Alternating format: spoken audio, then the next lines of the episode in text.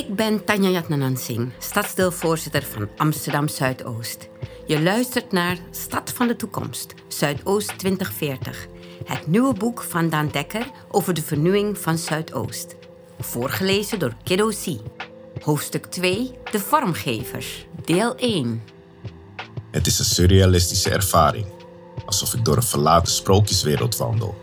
De drooggevallen waterval in de trapleuningen van een van de torens de desolate binnenstraat waar niet zo lang geleden het bankpersoneel nog doorheen liep.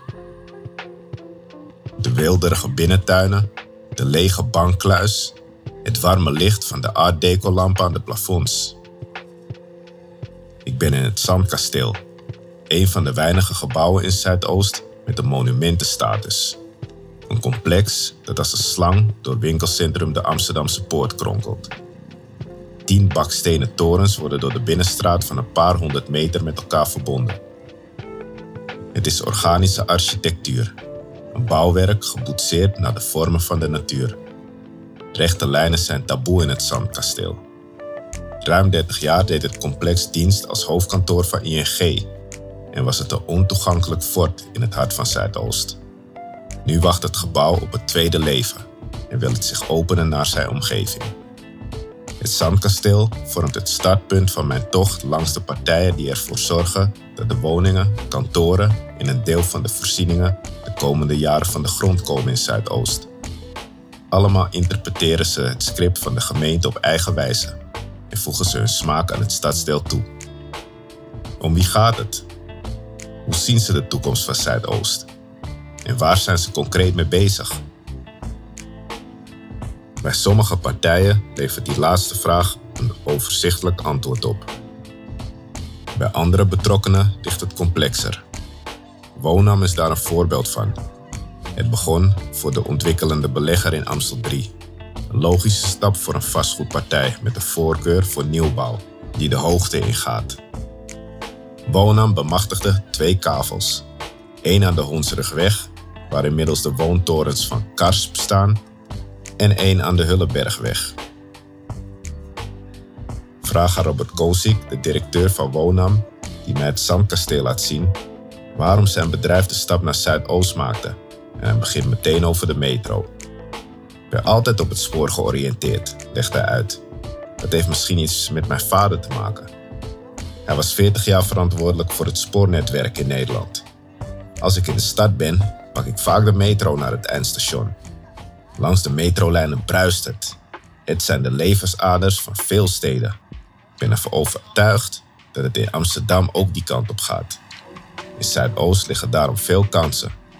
Het is het enige stadsdeel dat al over een uitstekend metronetwerk beschikt.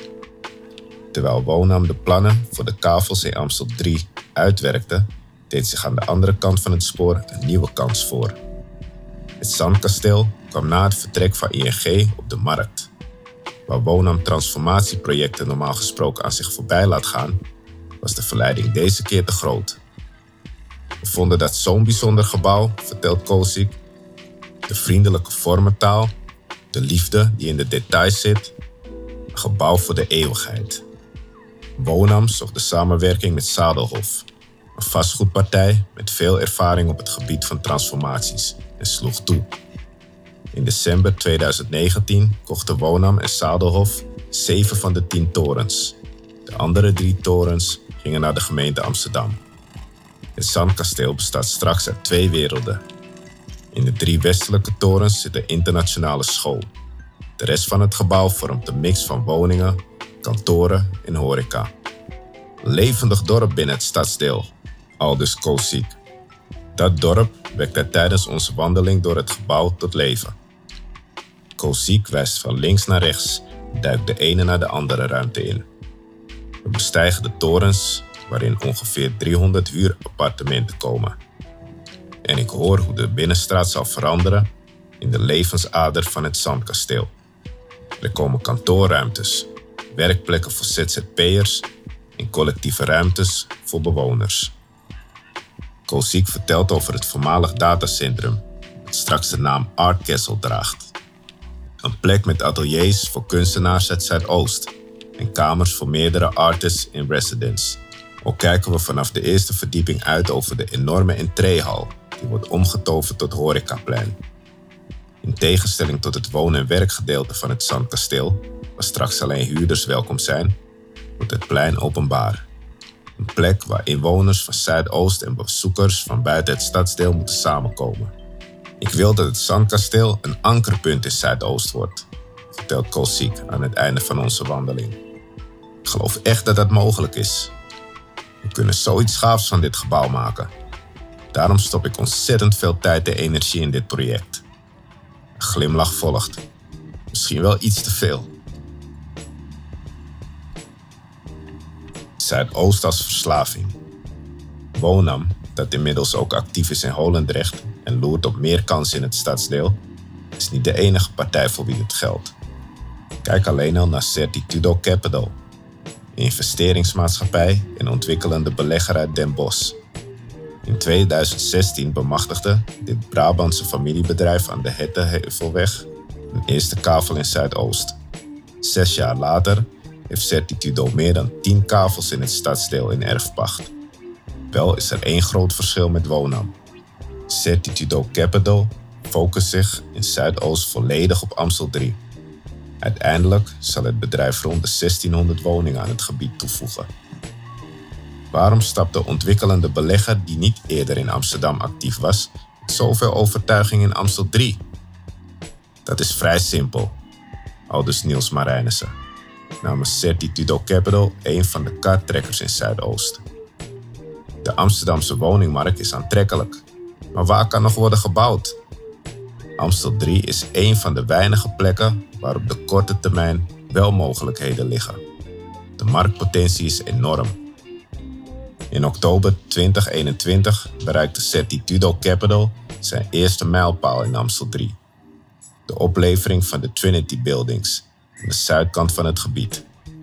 Drie voormalig kantoorgebouwen zijn getransformeerd tot woontorens met in totaal 133 huurappartementen.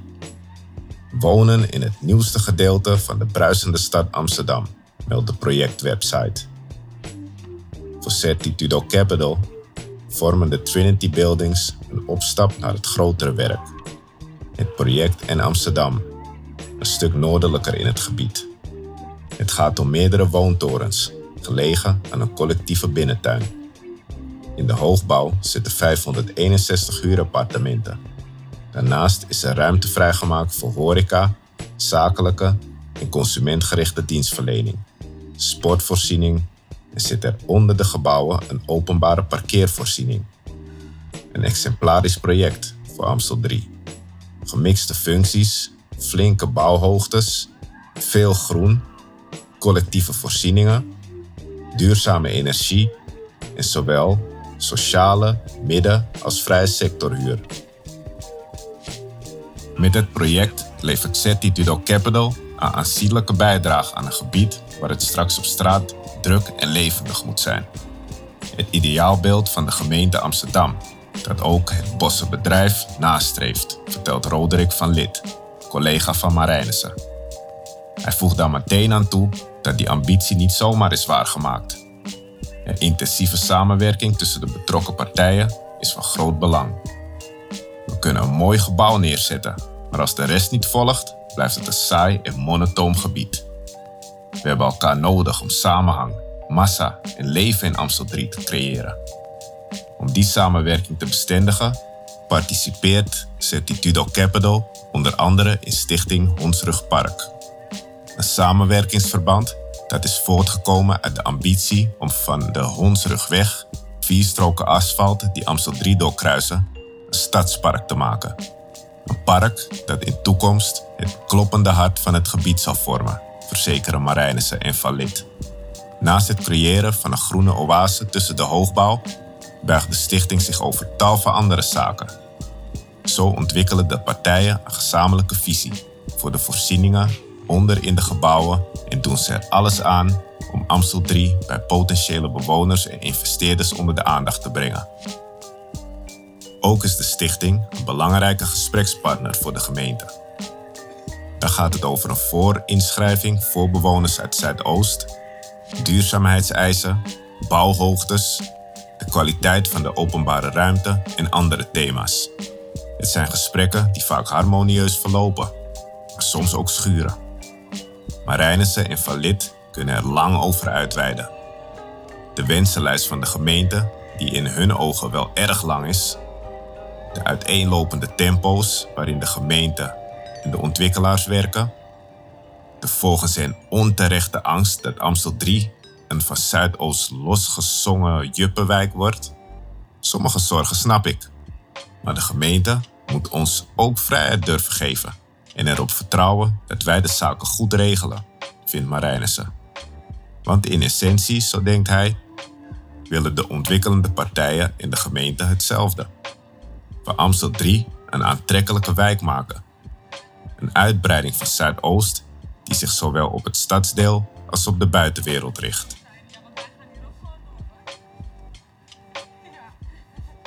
Dat Tudo, Wonam en veel andere ontwikkelende partijen in Zuidoost een landingsplek in Amsterdam hebben gevonden, laat zien dat de tijden zijn veranderd. Het stadsdeel is voor vastgoedpartijen niet langer een wat vergeten uithoek van de stad, maar een gebied van kansen en prestige. Dat blijkt ook aan de zuidzijde van de Johan Cruijff Arena, waar de komende jaren 11 Square van de grond komt. Een project van Ballast Nedam en AM. Peter Heuvelink, directeur AM Noordwest, spreekt van een Champions League ontwikkeling. Alles wat bij ons vak komt kijken, komt in dit project samen. In vier gebouwen zitten straks rond de 1000 woningen. Een theater met 1600 zitplaatsen, een hotel met 300 kamers en veel kantoorruimte, horeca en leisure. Het aanlooptraject naar 11 Square was lang en hobbelig, bekend Onno Dwars, directeur van de ontwikkeltak van Ballas Nedam. AM en Ballas Nedam zijn al sinds de bouw van de arena betrokken bij de plannen voor de labgrond. Ideeën voor de kavel waren er genoeg, maar tot uitvoering kwam het nooit. Voor zo'n grote ontwikkeling moet alles bij elkaar komen, al dus dwars. De economische conjunctuur, de vraag naar woningen, de ontwikkeling van Zuidoost. Het heeft te lang geduurd, maar nu is het momentum daar. We gaan het gewoon doen. Het lat ligt hoog. Met MVRDV, het architectenbureau, achter onder andere de Markthal in Rotterdam en Valley op de Zuidast, is er een gerenommeerde partij in de armen gesloten die over het ontwerp waakt. Het levert een vorm en kleurrijk plan op, alsof een compositie van de schilder Kandinsky is vertaald naar architectuur en stedenbouw. Grote hoogtes worden daarbij omarmd. De centrale toren in het plan zal de Rembrandttoren, het hoogste gebouw van Amsterdam, nagenoeg evenaren. Toch draait het niet om de architectuur, al is die straks meer dan de moeite waard, meent Dwars. De mens wordt dominant. De gebouwen zijn het decor. 11 Square verbindt mensen op alle vlakken. Bewoners, mensen die uitgaan, kantoorgangers, verschillende leeftijden en culturen. Alles komt bij elkaar. Echt het ultieme mixen. Dat bestaat nog niet in Nederland. Heuvelink. Het is vooral bijzonder dat we functies stapelen. Kantoren op vermaak. Een hotel op een theater. Waar zie je dat? Dwars noemt het SimCity voor grote mensen. Het was echt puzzelen, want er ontstaan botsende belangen. Denk aan geluids- en parkeernormen. Overal hebben we oplossing voor moeten vinden. Binnen het project is een belangrijke rol weggelegd voor de openbare ruimte, waaronder een groot centraal plein. Daar moeten mensen elkaar straks ontmoeten, legt Heuvelink uit. Volgens Dwars wordt de openbare ruimte van 11 Square een tegenhanger van de naastgelegen Arena Boulevard. Het ontwerp van de boulevard is er vooral op gericht om het stadion zo snel mogelijk leeg te laten lopen en mensen zo min mogelijk kans te geven om schade aan te richten. De boulevard mist daardoor verfijning, maar dat werd in de jaren 90 ook niet erg gevonden. De tijden zijn volgens hem veranderd. De verantwoordelijkheid wordt nu weer bij de mensen gelegd. 11 Square is daar een voorbeeld van. Het wordt kwetsbaar, warm en geborgen. En grootstedelijk, voegt Heuveling daaraan toe. Hij en Dwars laten de naam Times Square vallen. Vooral qua levendigheid. In het gebied moet straks dag en nacht wat te doen zijn. Maar ook qua uitstraling. Dwars. Als je over een paar jaar vanaf de Ziggo Dome naar Eleven Square kijkt, zie je een uniek kleurenpalet. Het licht van het theater, de kleuren van de gebouwen. Het wordt heel herkenbaar. Echt een nieuw stuk Amsterdam.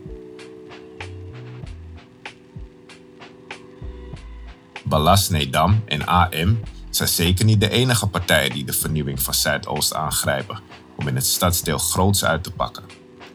Dat geldt ook voor CBRE, Global Investors, eigenaar van winkelcentrum de Amsterdamse Poort.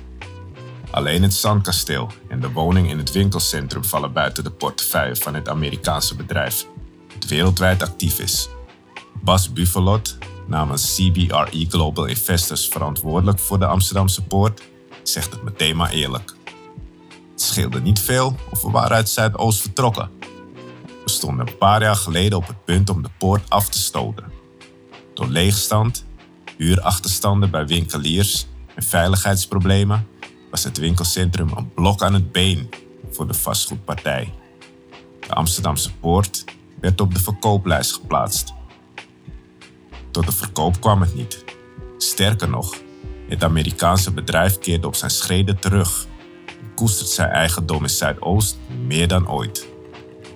Wij bezitten wereldwijd bedrijfshallen, kantoren, woningen en winkelcentra en benaderen dat bezit lang los van elkaar, tegen Buffalo uit. Die harde grenzen zijn aan het vervagen. Met alleen een gebied vol winkels redden we het niet meer. Corona heeft die tendens alleen maar versneld. De leegstand is te groot. We moeten naar gemixte gebieden toe. Plekken waar wordt gewinkeld, gewoond en gewerkt, waar ruimte is voor cultuur en horeca. De Amsterdamse Poort is de eerste plek in Nederland waar we die ambitie gaan waarmaken. Buffalot begint over de stenige loopdekken en parkeerplatformen in het winkelcentrum, die hij graag ziet veranderen in groene oases, waar woningen aan worden toegevoegd. Over het middenblok, waar kunst- en cultuurinstellingen een plek moeten krijgen. Over de make-over van de shopperhal, een nu nog weggestopte hal met lokale winkeliers over het Hoekenrode plein bij station Belmer Arena. Dat kan uitgroeien tot de volwaardige entree van het stadsdeel. Na deze opsomming erkent Buffalot meteen dat er in de Amsterdamse poort meer nodig is dan fysiek ingrijpen alleen. Ook de werkwijze van CBRE Global Investors zal volgens hem moeten wijzigen. We hebben het winkelcentrum te lang top-down beheerd. Er is te weinig verbinding met de omgeving gezocht. Wat zijn de behoeftes van de inwoners en ondernemers in Zuidoost? De gevolgen van die werkwijze voel je in de poort. Het is te anoniem. Buffalo en zijn team zijn inmiddels begonnen aan een inhaalslag. Dat betekent vooral veel luisteren. Ook maakt CBRE Global Investors in het winkelcentrum ruimte vrij voor ondernemers en instellingen die een sterke binding met het stadsdeel hebben. De Foundation Amsterdam Hip Hop Academy die een plek heeft gekregen in het middenblok. Het kunstplatform Oscam, dat in het gebied is neergestreken. Debatcentrum, New Metropolis Zuidoost, een dependance van Pakhuis de Zwijger, waar alle ontwikkelingen in het stadsdeel op de voet worden gevolgd. De gesprekken die Buffalot met succesvolle, maar uit Zuidoost vertrokken ondernemers voert, is om ze te verleiden tot een terugkeer. Uiteindelijk moet het gebied door deze stadsdeel georiënteerde aanpak meer smoel krijgen. Ons doel is om van de poort een unieke plek te maken, aansluit bij het DNA van het stadsdeel.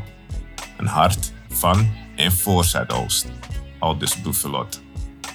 Een levendig gebied waar zeven dagen per week, 16 uur per dag iets te doen is.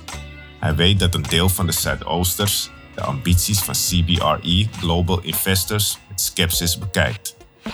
We torsen nou eenmaal een verleden met ons mee. Vertrouwen we je vooral met daden. Daarbij is het belangrijk dat we de cultuur van het stadsdeel respecteren en gezamenlijk het toekomstige hart vorm gaan geven. Je luisterde naar hoofdstuk 2, deel 1 van Stad van de Toekomst, Zuidoost 2040.